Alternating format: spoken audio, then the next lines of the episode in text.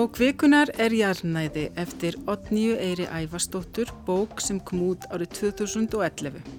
Hún var þá tilnæmt til Íslensku bókmentavelunana og hlaut fjöruvelunin og þremur árum setna bókmentavelun Evrópusambandsins. Jarnæði var þriðja skálds á Otníjar, áður hafði hún gefið út opnun krippunar og heim til Mills hjarta og í kjölfarið fylgdu ástarmeistarin, undirferðli, fæðingaborgin, þar sem byggt eru brefaskipti fjölskyldu og esseian Blátt blóð.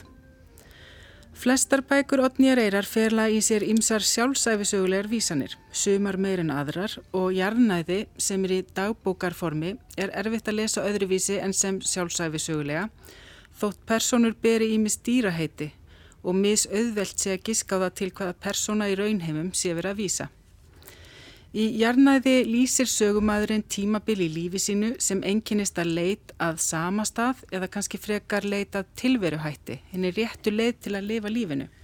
Sem aftur tengist leitinar að sjálfbærari lífsáttum í hugssjónabaráttu fyrir réttlátari náttúruvætni og ástríkari heimi, eins og heyra má af þessu brotur sögunni sem við fáum að heyra í lestri höfundar. Kumbriða Þorlóksmessa á sumri, auka nætur óskast. Sætin eru skítug með gömlum tiggjum út úr unglingum en það er góð tilfinning að vera á harðarspani og snúa fram. Ég siti í lestina á leið til Manchester, ætlaði að gista í nótt og fara á heimili Jóns Röskin í Brantwood sem hann byggði eftir hugmyndur sínum um lífrænan arkitektur. Hann aði vegfóðrið sjálfur eftir draumum sínum og órum. Ætlaði síðan að heimsækja heimili Beatrix Potter sem skrifaði um nonna borgarrottu sem þóldi ekki kyrðina út í sveit og um tuma sveitamús sem þóld ekki erilin í borginni. Sumir staðir eru við sumrahæfi, aðrir við annara.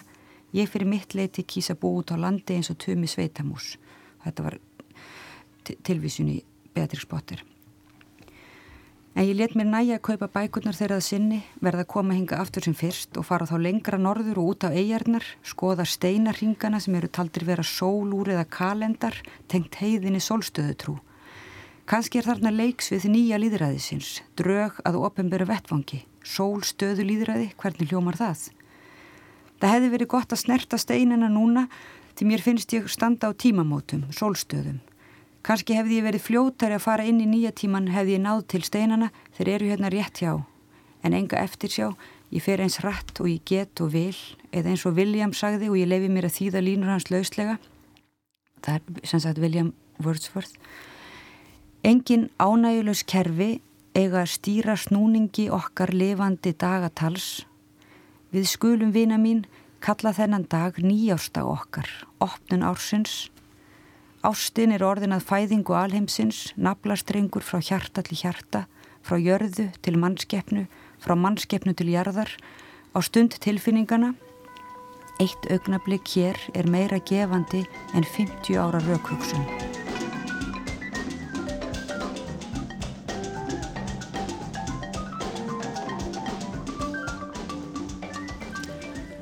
Hér las Otni Eir Ævastóttir úr bókvikunar sem er jarnæði. Gestir mínur í dag eru bókmyndafræðingurinn Þórun Hrefna Sigurjónsdóttir og Solveig Anna Bóastóttir, profesor í Guðfræðilegri siðfræði. Velkomnar. Takk. Takk. Uh, Þórun, uh, eins og ég sagði á hann, það vilja margir tengja skrif Otniar við sjálfsæfisöglu skrif og uh, sérstaklega kannski skrif Þórbergs Þórðarssonar og Sofía Auður Birgistóttir, hún hefur jáfnframt nefnt skrif Málfríðar Einarstóttur frá Munaðanissi. Um, þú sér vantilega þessa tengingu líka sem bókmyndafræðingur. Já, manni ber líka að fara eftir því sem Sofía Auður bendur á. Emmitt. Jú, ég sé það. Það er, það er svo skemmtilegt að þau með taka sér, þau taka sér pláss til að skrifa það sem við vilja skrifa. Málfríður, Þórbergur og Otni að það er ekki hægt ef þú ert að skrifa annarkort bref eins og þau gerðu bref til Láru skrifaði Þórbergur Málfríður, það kom út bóka eftir hann sem heitir Bref til steinunar mm. sem er svona samsapna af alls konar tekstum og Otni dagbók stendur dagbók á kílinum á Jarnæði mm. og það er ítla hægt þegar maður er búin að afmarka sér svona gott plás og útvega sér næði að það er ekki hægt að segja, heyrðu þú getur ekki skrifa þetta, þetta, þetta passar ekki, af því að þetta eru svo opin form, þetta er, maður getur skrifa hvað sem er í bref, maður getur skrifa hvað sem er í dagbók, það er engi sem segir það, þú getur ekki formið, þarna, það bara, þetta passar ekki formið. þannig að þau eru svona að, að búa sér til mjög gott pláss og geta skrifað eiginlega hvað sem er. Eins og, og Þórbergur þegar hann skrifa breytt til Láru og hann er, hann er að skrifa um pólitík, hann er að skrifa horror, hann er að skrifa um ástina, hann bara allt sem hann dættur í hug. Málfröður er líka mjög opinn og odni. Það er afskalega margir þræðir í þessari bók eins og við höfum þetta að ræða að mm. þetta, er, þetta er um, um ástina og leitina að, að einhverjum samastað og ímislegt annað. Það er bara eiginlega ekki takt að það er svo erfitt að festa fingur á það hvað er að gerast í þessari bók og það er líka svo gaman Einmitt, ég var að spyrja um daginn og um hvað er hún? Og það er um það, Já, það er... en, uh, en hún er náttúrulega um svo margt samt og, og einmitt þetta, þetta sem þú segir, maður getur left sér svo margt þessi hugrenningatengsl, hvernig hún svona hoppar úr eini annað sem virðist óskup eðlilegt en, en hérna er mjög frjálst. Algjörlega. Já, hún gerir alls konar tilraunir og hún er nefnd að bregða líka á leik með dagbókaformið og hún sækir sér fyrirmynd í dagbók Dorothy Wordsworth, sýstur romantíska skáldsins Williams Wordsworth. Og Otni, hún segir um þá bók, þessa dagbók Dorothy, að hún sé ótrúlega spennandi þótt hún sé eiginlega ekki um neitt og þó um svo margt. Og það á kannski við um þessa dagbók líka, hvað segir þú Solveig Anna, þetta er svona um, já, mjög margt Já, sannlega, mjög margt. En uh, það sem að, að svona, mér finnst svo gaman við þetta, mér finnst hún vera á ferðalagi og hún er á, sannlega á ferðalagi, hún færi sig stað og stað. Og, og mér finnst hún vera svona hlustandi. Og mér finnst henni einhvern veginn takast það svo vel í, í bara stilnum eða hvernig hún, hvernig hún skrifar að, að, að hún er svona hlustuninn er aðalatrið að hún er að leggja sig eftir þessu lokala og í þessu litla lífi og, og ekki síst því sem að sko liggur í þagnargildi að hefur verið þaggað og líka því sem hefur verið gleimt. Svolítið svona skrá niður þá? Já, er það ekki og, og, og á ferðalæinu þegar hún er að stoppa hjá gömlum fröngum og frændfólki um landið að þá hérna þá finnst mér það sko það er hluti af því finnst mér að hún er að hlusta á uh, gamla lokal þekkingu og, og, og, og hún liftir henni þar með upp sem sko að mér finnst innleggi í stóra verkefnið sem að hún er með að, að reyna að finna út fyrir því hvernig vegum að lifa. Mm -hmm. Þannig að mér finnst þetta svo fallegt einhvern veginn svo Uh, svona, já, ég veit ekki hvað að segja. Einhver svona, það er svo mikil vináta og, og, og líka svona auðmygt en hún er svo opinn fyrir að heyra og svo eins og með ömmuna að hún, hún spurðan alltaf í raun og veru sömu spurningarinnar og svo þegar amman deyra þá áttar hún sig á því að hún, hún spurði aldrei einnar mjög mikilvægrar spurningar sem var hvar hún hefði átt mest heima. Þannig að það er líka, er það ekki hérna, verið að leita að það sem að getur verið heima. Og hún sækir í sína eigin ætt og stórfjölskyldu og þetta finnst mér vera svo gefandi, allt þetta lokala og litla sem ég finnst að hún hljóta að vilja sko leggja fram í, í, í það hvernig hún getur svarað sinni spurningu sem er, er náttúrulega miklu starri. Einmitt, þetta er umhverfið eins og segi stóra spurningar en dagbúkaformi verður einmitt mjög persónulegt hjá henni uh, oft. Og þetta er til dæmis ástarsaga, það er hérna, hún er eiginlega nýbúin að kynnast fyrst mann eða ný að byrja einhvers konar samband með manni og hérna þau eru svona velta fyrir sér hvort þau búa saman, hvar þau búa saman, hvernig og svo framvegis. Þannig að það er svona ástarsaga þessu líka en svo er þetta líka fjölskyldsaga eins og er og svo er þetta sískinnasaga líka. Já, það, mér sko mér finnst í raun og veru þessi hvernig henni tekst að einhvern veginn að tjá þessa sískina ást vera kannski sko mesti gimsteinin í þessu öllu saman og ég bara man ekki eftir ég er nú ekki að tala um að ég hafi lesið hérna, allar bækur heims en en einhvern veginn þar sem mér fannst uh, sko þetta vera svo svakalega mikilvægt mér finnst þetta ekki vera neinn hlýðarsaga með sískin ástina, heldur mm. virkilega eitthvað sem ég finnst líka vera innleg í stóru söguna að eh, að sískina um, já, sískina ástin hún, hún sagt, fer ekki fram á hún fer ekki fram á einhver, einhverja sagt, eh, að þú gefið tilbaka beinleins heldur það er jafningja það er jafningja ást og mér finnst svo auðvelt einhvern veginn að tengja það út í tengslennar við náttúruna og, og, og við fugglana og, og allir heita þarna fugglanöfnum að hún einhvern veginn er í einhverjum svona vináttu tengslum við, við náttúruna líka og mér finnst sískina ástin einhvern veginn koma svo vel inn í svona sem einn hljómur í þá góðu symfoníu sko. Mm -hmm.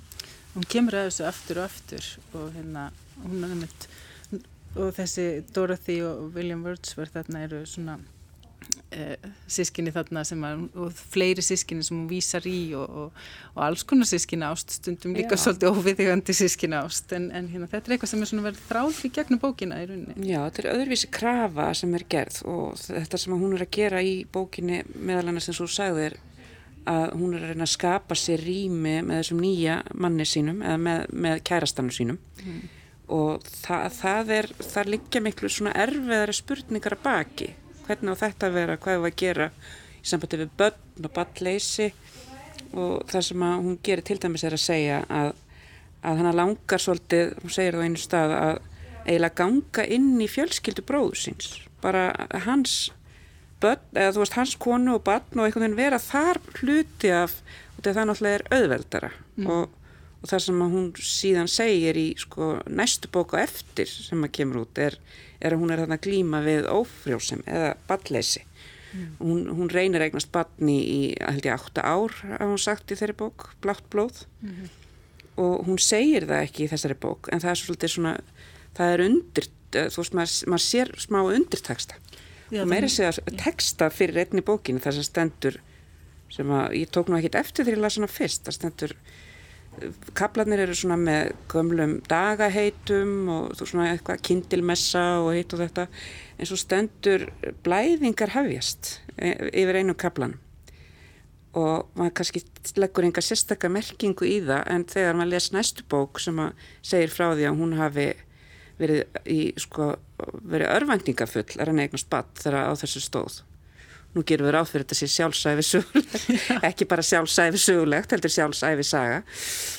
Eh, þannig að mér finnst það svolítið áhugavert að sískinástin er svona safe, eitthvað. hún þarf ekki að fara að sko býða eftir batni eða byggja eitthvað þannig upp. Mm -hmm.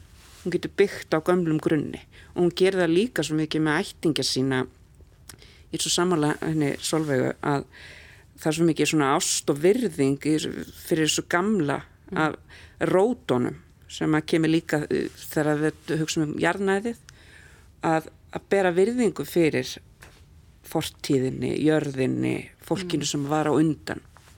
Emmeit, og þetta er náttúrulega rýma mjög vel þess að hugmyndirinnar um, hún er með ákveðna hugmyndir um líðræði þetta með að, að allir rattir fá að heyrast og þess að samræðu. Um það eins og Solveig Anna var að tala um þetta með að hlusta er náttúrulega mikilvægt En, en ég hef stundum líst jarnaði sem leita annars konar leið til að lifa en því samfélagi sem við búum í núna það er að leita svona sjálfbæri leið þar sem réttlæti og kærleikur eru höfða leiðarljósi og um, hún sækir víða einblástur og hún til dæmis talar um lífrennan arkitektur, við kannski komum nánar að því en, en að þessi bók er auðvitað áhugaverð fyrir þig sérstaklega vegna þess að þú hefur lengi spáð í umhverjusvend og loftslagsmál og út frá þá guðfræði og siðfræði og líka feminisma. Hvað eru verið að skrifa um í þessu sambandi? Já, ég, hérna, við skulum kannski segja að ég hafi sérstaklega lagt mig eftir svona kristinni umhverfis og, og, og vist guðfræð og siðfræði og uh, ég hef uh, skrifað um Pávan og Pávabrefið, umburðabrefið frá 2015 sem að uh, núna því ég les þessa bók öllum þessum árum síðar að, að þá horfum maður tilbaka og þá getur maður einhvern veginn mjög öðveldlega fundið svona samhljóm, ég tala nú alltaf um tóna og, og symfóniur og svoleiðis, þannig að samhljóm það er náttúrulega svo marga rattir í þessari bók eins og við erum búin að segja en það er náttúrulega þarna mjög hérna, hljómfagur uh, ómur af, af uh, ást til, til náttúrunnar og, og uh, þörf á að einhvern veginn að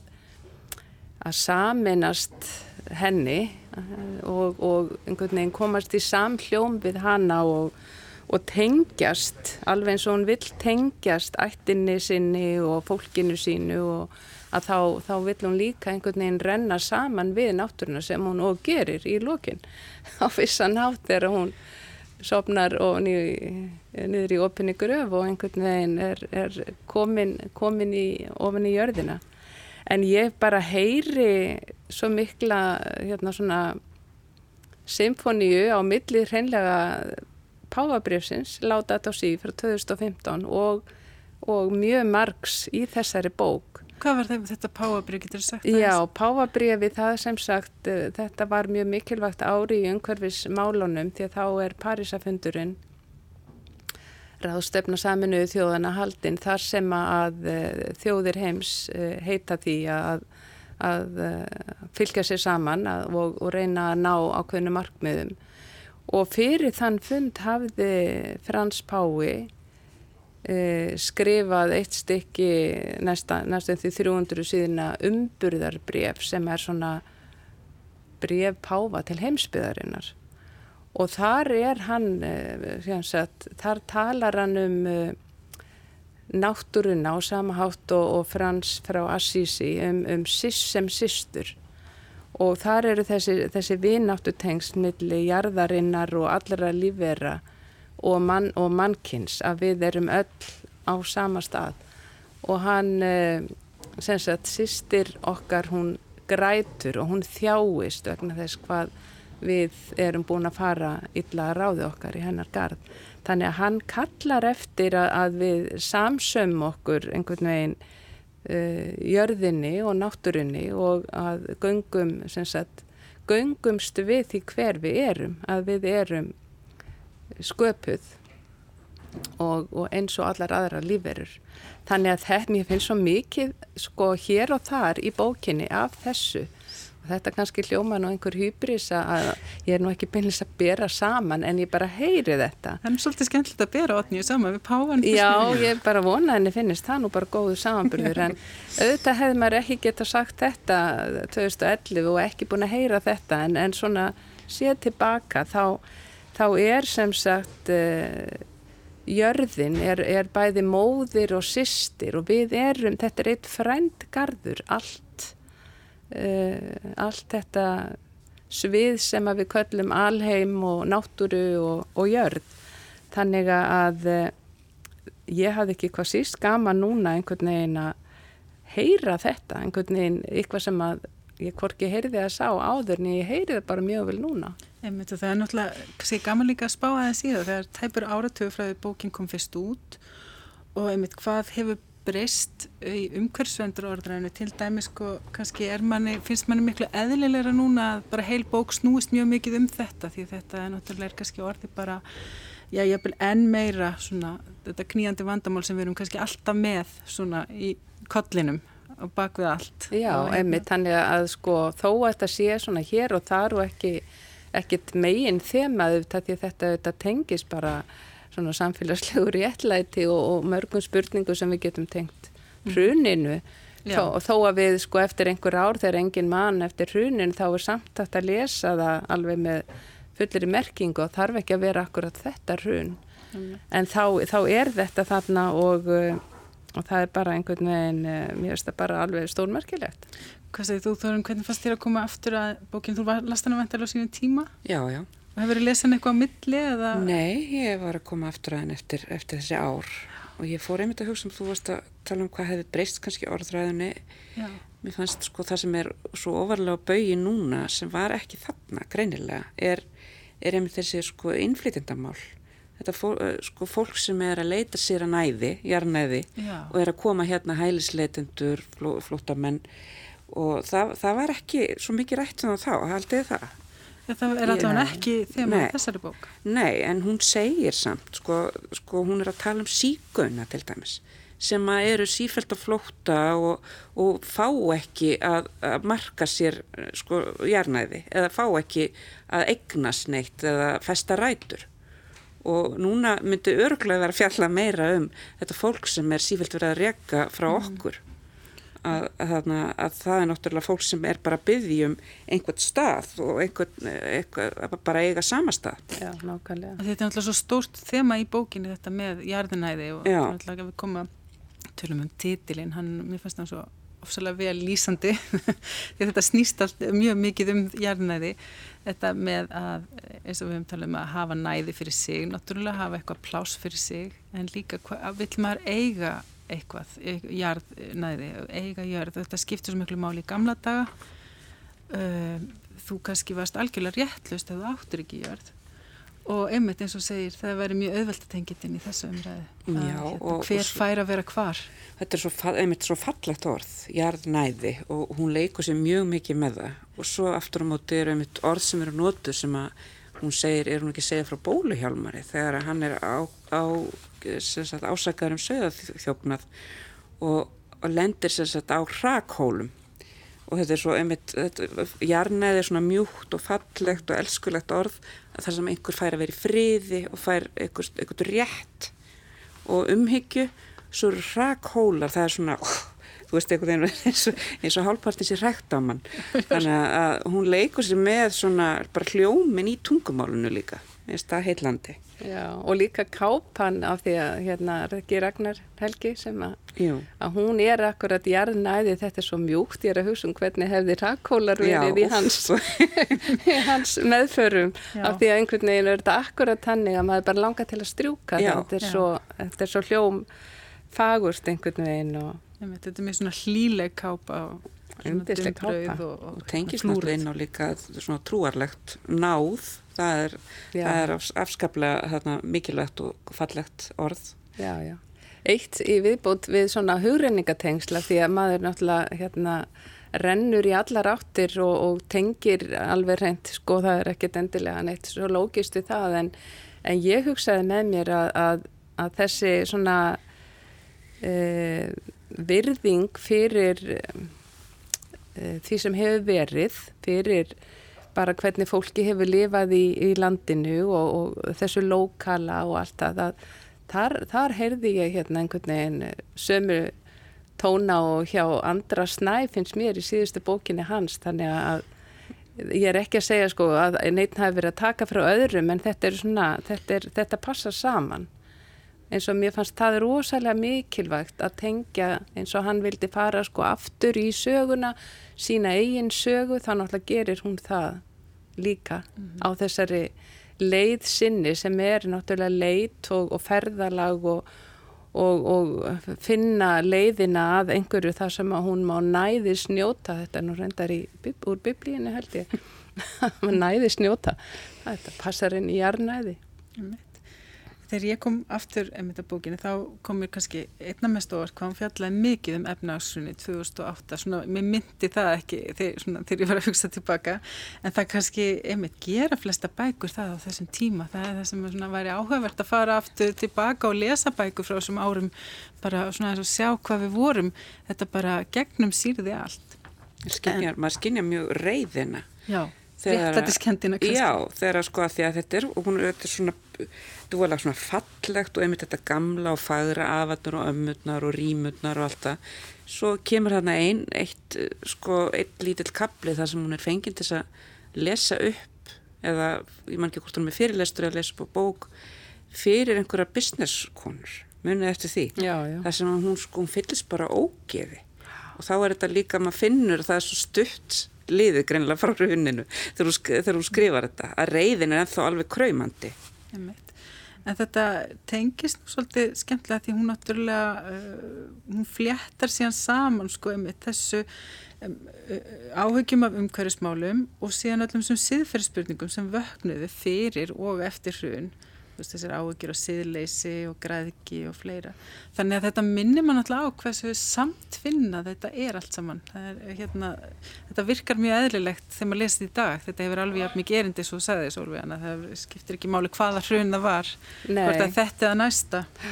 En, en, hérna, en hún segir einmitt, ég er orðin alveg forhert í því að þannig verði stundum að ræða vandan, hans er aldrei á einu plani heldur likki samhliða öðrum vanda kannski í lögum, jarðlögum, maður verður að fara þvert á gegnum þau til þess að komast til bots í vandanum. Þannig að hún svona tekur þetta er allt samhliða þannig að það er ekki hægt að taka eins og hún sagði líka í viðtali við Jórunni árið 2015, Jórunni Siguradóttur, þá sagði hún uh, eitthvað með að sko að það öll þemun í bókinni, þetta, allir þessi þræðir, þeir fléttast allir saman, þú getur ekki bara tekið einn út Nei. og fjalla með því að þetta er allt samt finnað og maður finnur það í rauninu mjög vel en líka þetta með uh, að réttlæti, það er náttúrulega bara líkil hugdag. Já, já, en sko það sem ég finnst en í raun að vera held ég að, og, og kannski geti mitt orðið verður til þess að bókin lifir um aldir og, aldir og æfi að, að það er engi vaf á því að hún bókin kemur út skömmu eftir hrun og hún hefur sjálf tekið þátt í, í einhverju svona hvað ég var að segja, einhverju starfi pólitísku starfi og eftir það sem fólk hefur verið að koma saman og ræða öll þessi vandamál og sem eru, eru samtengt, það er sem sagt, hún talar um landráð og hún talar um spilling og, og hún nefnir skattaskjól og sölu jarðana og þar er náttúrulega hérna sko verður náttúrulega þegar að hólsfjöll eru á að selja þau að þá, þá svona það kristallast þar en þetta samt finnst mér einhvern veginn vera sett fram þannig og hér og þar þannig að, að sko það er ekkit endilega þetta hrun, það er bara almennt er þetta stórkoslegt vandamál mm -hmm. og mhm. þarna hefur það sannarlega verið og hún er að, er að vinna í raun og veru með öðrum að, að eh, hvernig eigi þá að byggja uh, réttlátt og, og farsalt samfélag mm -hmm. og, uh, og þar er náttúrulega uh, talar hún um svo mörg hugtök sem er líka svo skemmtileg eins og líðræðis bæin það sem að er það sem að er hægt að, að tala saman og, og og hús sem er svona ætla til samræðu og, og þannig að hún er með þarna sam, sam þetta og sam hitt, sam vinna, samtal, sam ábyrð þetta er, þetta er öll þessi þetta tengist hvernig þarf að endur nýja samfélagið eftir hrunið en líka eh, samtalið um náttúruna og hvað, hvað þarf að koma allt öðruvísi fram við náttúruna. Og það og þar er þetta, þessi svona jöfnuður og vinátt að finnst mér að, að, að þjóna en ekki drotna. Emitt og þú talar um líðræðisbæin að þú, hún er náttúrulega notar einmitt þessi hús, uh, húsakinni sem svona tákn, það, hún segir þarna á einhverjum stað freka framalega, hún segir ég er búin að vera að teikna mér til skemmtunar, reyni að teikna hús gerði líka eina tilrönd til að tekna upp samfélagsskipan, lífræn tengsl sjálfstæðra klasa. Veit nú ekki hversu skýrandi svo myndi er enda metnaðarfullt verkefni. Eh, þannig að hún er svona notar þetta svolítið og svo er hún svo upptekinn af því að bróður hennar er eh, fordlegafræðingur, hann er að grafa upp gamla bæi svona hérna og hérna með svona fordleifar þannig að hún er svona ímynda sér hvernig þessi húsakinni hafa verið þetta með húsin, þetta er náttúrulega bara eitthvað svona mjög sterk tákn í þessari bók. Já, hús og heimili, er, mm. þetta tengist náttúrulega allt og hún, allstaðar er hún að spyrja, þú veist, hvar, eins og hún ætlaði að spyrja ömmu sína hvar, hvar var þitt heimili eða aðal heimili í þínum huga og er að spyrja móðu sína um, um hvernig var þegar hún var að byggja, hvernig það hefur verið, hvort það hefur verið erfitt og þessi svona hugsun sko maður er aldrei alveg búin að eignast heimili það er einhver, einhver vinna svona eins og húsbygging þannig að það er og líka getur maður áttuland það, það er spurning sem kemur svona inn mm -hmm. þegar að, maður líka finnur það á þessum tíma er greinlega ofbáslega mikið verið að tala um hann hérna sem hún kallar alltaf kínverjan sem er hérna Núbó, heitur hann það ekki? Jú, við vinnum það. Þarna, það var mikið talað um og hann ætlaði að kaupa hólsfjöllin mm. og hún hugsa með sér sko, er þetta eigaland og hún er, þetta, afstæðanar er svona tvíbend af því að henni finnst eiginlega hálfpartin eins og hún þurfa eigaland til þess að geta festrættur en svo er svona land eins og, eins og stórt land eins og Núbó ætlaði að kaupa af því að, hvað sá hún? Hann hafði svo sterk að tauga til Íslands að því að hann fekk íslenska lópapeisu 30 árum fyrr. það, var, það var skýringin sem Já, hafði verið gefin. það var skýring sem var gefin og þess vegna ætlaði hann að kaupa hólsfjöllin. En það, það er, mér finnst það frekka fyndið. En svo er hún reyndar, hún sko, hún er ekkit sjálf, hún er ekkit bara upp á einhverjum tindi að predika. Hún er sjálf svona þegar hún fyrir að tala um, hún ætlaði að komast út úr borginni til hveragerðis en fattar það svo hún sko, þarf að komast miklu meira til ofta til Reykjavíkur heldur hún held svo er hann að fara að langa í upp þvóttavél og alls konar svona eitthvað sem að hún held hún þyrt aldrei sem að fylgir því svona þegar fólk er að sanka að sér hlutum og, og, hérna, og þannig að enginn kannski alveg alls saklaus af því. Já, þessi, þetta, þessi húsbyggingar, hérna, hugleðingar, náttúrulega finnst mér bara uppbyggingar. Að, að byggja upp að nýju, að við þurfum að byggja samfélagið okkar upp að nýju og, og, og það er húsið, hvernig á það að vera innréttað og, og hverjir eiga að heyrast þar, þannig að, að hérna, það mér finnst að vera svona mjög augl, augljós mynd. Og þetta er kannski, svo er þetta kannski, mætti kalla þetta baráttur í þetta einhverju leiti, þetta er svona barátta fyrir ákveðnum hugsunum og, en mér finnst líka um þetta Otni, finnst hún greinilega verið þeirri stöðu, hún þarf að verja líka baráttaðaferðinar og hugsunar uh, til dæmis gegn gaggrínu um að þessi, vilji, fólk vilji bara einmitt snúa aftur í moldarkofana uh, til einhverja fortíðar sem hún tala sjálf um að það engendist þessi fortíð, engendist kannski af ýmsu öðru en réttlæti. Þetta með, að eiga jörð eða bú. Það þýtti ekki það þýtti að þú varst í góðri stöðu en það hafðu alls ekki allir uh, þessi forrétt, forréttindi. Og hún segir hérna til dæmis það er fjarrir mér að vilja aftur til hérna gullnu daga. Ef einhver var höfðingi var hann það vísast á annara kostnað. Óréttlætið og ójabræðið var og er svo rót gróið en ég vildi gerðan að það besta frá fordri tíð einhver afstæð til sveitarinn og til yðnaðurinn, yðnaðurinnar hefði þróast á annan veg Þannig að hún er svona, finnst mér að vera bregðast við gaggrínu og líka um, þetta með hólsfjöllinu það, uh, gaggrínu með umhverfisvendar umræðan verði þjóðverðnisleg þegar hún fer að snúast um að vernda íslenska náttúru, útlenskum auðmönum. Hún þarf svolítið að fara í þessa umræðu sko, svona samræðu um það, hvort Já. hún sé að verða of þjóðverðnisleg. Mm. Sko mér finnst hún ekkert, ekkert hérna sko beinlínis fara að verja en hún nefnir þetta að það er örgulega mjög stutt alltaf í að maður fái svona komment sko við vitum það að, að gangum á söðuskinn skóm og, og, og, og, og hérna prjóna lópapeis og svona hvort að við um að lifa á því en, en ég bara segja aftur það sem ég var að segja að sko mér finnst svarið hennar vera þetta ferðalag þar sem hún fer og hlustar á á fólkið og á þessa, þetta gamla fólk og, og einhvern veginn opinn fyrir því að, að svarið liggur að hluta til í bara í sögunni og í þessu lókala ekki endilega einhverjum starðarna nýjum, nýjum hérna, réttlættis hugmyndum heldur í þessu lókala. Og ég, ég, mér finnst ég, ég er svo innilega sammála því að, að sko ef við hugsaum þetta út frá einhvers konar svona þekkingu og hvers konar þekkingu þurfum við eftir hrun og, og að, að gleima ekki þessari þekkingu sem að liggur í, í hérna, litla samhenginu. Hvernig fólk hefur farið í gegnum lífið og að, að taka það með sér. Og mér finnst það að vera þetta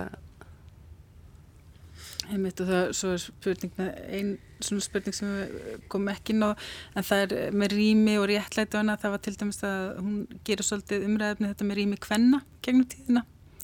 Að hérna hún er mjög eins og við tölum með amman sko hvað hún er að spyrja um húsakinni þá er hún svona að rekja hva, hva, hvernig bjó amman hún átti aldrei kannski sitt eigið herbyrgi eftir hún var fullorðin og svo framvegist þannig hún er mjög mikið að, að spá í réttlæti á mörgum sviðum í rauninni það verður bæði persónlegt og samfélagslegt og líka kannski með kynin En án þess Já. að vera, finnst mér nokkuð tíman að svona einhvern veginn að predika það og segja það beinlinis en meira maður skinni það er það ekki í gegnum söguna af, af fólkinu. Já, hún er alltaf að segja líka af sko fólki og af svona formæðurum eða svona eh, sögulegum personu sem að tóku bara sín ráði í eigin hendur eins og svo sem fór, hvað var hún kölluð, sem að fór til fjalla með geitur og gróf þar, gróf sinn í, gróf sinn í einhvern hól og hóf þar búskap og svona einhver, einhver hörku kvendi sem hún segi frá. Og einmitt þessi rosalega virðing fyrir gömlu konunum, ömmunum sem að halda arfinum gangandi. Og mér finnst hérna þessi hugmyndum svona sko að, að því nýja búsetu form ætti að vera sko ættarhúsið þar sem að kynsluðunar tala saman. Eh, svona lókum þá vildi ég aðeins koma aftur að því hvernig allt í þessari bók það fléttast saman, bókmentaform, tilfinningarlíf, uh, samfélagshugsunir, náttúra, umhverfisvendur um, umræða. Og eitt leikilorð finnst mér vera fjölbreytileiki. Uh, Otni hún segir á einu stað að eins og jörðin kallar á lífræðilegan fjölbreytileika, kallar líðræðið á verðingu fyrir ólíkum röddum samfélagsins. Þannig að það er svona tengstin á myndi lífræðilegs fjölbreytileika og þá líðræðisins og svo tala hann líkum uh, bókmentalega fjölbreytileika í anda lífræðilega fjölbreytileikans. Þannig að hún er svona vefur þetta allt saman eh, eins og henni búin að vísa. En var svona spáið að þetta með fjölbreytileikan, er þetta kannski ástæðan fyrir því að Otni er svona tilrönnugluð, hvað segir þú Þórun? Já, ég held að þetta er alltaf, þetta er alltaf mjög svona margratta saga, það er, það er mjög margt sem að fær rými í þessari sögu. Þannig að þarna, og mér finnst það svo fallegt. Ekkert er útilokað. Og einmitt þessi ómur af röttum svona kynnslóðana sem, sem að hún tekur svo vel inn í rekningin mm -hmm. og, og hún hafnar samt ekki, hún er ekki að hafna sko röttum samtíðarinnar en hún er að leggja svona ímislegt til sem að, sem að mér finnst það afskaplega gáðilegt hjá henni mm. Hvað segir þú Solveig með fjölbyttileikan, þetta er svona hluti af því sem við hefur verið að tala um? Já, Já sko, mér finnst einhvers konar svona vistfræðilegur hérna, fjölbreytileiki fólkin í því að mér, mér finnst til dæmis með því, eða ég bara vel að tólka þannig að með því að, að, að kalla næstum því alla í sögunni fyrir utan pappa, mömmu og ömmu fugglanöfnum að mér finnst það að vera einhvern veginn að hún sé að, að blanda okkur öllum saman, öllum líferum hér á jörðinni í, í eitt allsherjar hérna svona vistfræðilegt samfélag þar sem allir, allir hérna eru eiga sinn stað og, og hafa jafnvel sinn rétt eða hvernig við viljum orða það. Mm. Þannig að mér finnst að hérna fyrir mig hefa mjög mikla þýðingu að, að hérna allir heita þessum nöfnum, þessum fugglanöfnum og uh, sínir einhvern veginn uh, virðingu og auðmygt fyrir öðrum sköpum verum. Ég, uh, þegar ég las bókin eftir þá var ég svolítið glömið það mér fannst hún hafa elst svolítið vel hún eigi svona, hafi einhvern veginn maður finnur eiginlega ekkert að það sé þú veist, áratjóð síðan að það sé eh, mann finnst hún alveg ja, mikið erindi, er það sammála mér í því? Já, ég er alveg sammála því Já. og margar spurningar að mitt sem vakna um eitthvað nýtt, eins og til dæmis innflýtjanda mál mm. þegar að, að einhver, þegar bara fólk er í grunninn að leita sér að næði Já, ég er alveg sammála Einmitt, en uh, takk fyrir það, Solveig Anna Bóastóttir og Þórun Hrefna Sigurjónsdóttir. Þetta var umfjöllunum bók Vikunar, Jarnæði eftir 8. Eiri Ævastóttur. Og hlustendur geta áfram nálgast viðtöl og annað efni tengt bók Vikunar og heimasíðu þáttarins rú.is skástrygg bók Vikunar. Verið sæl.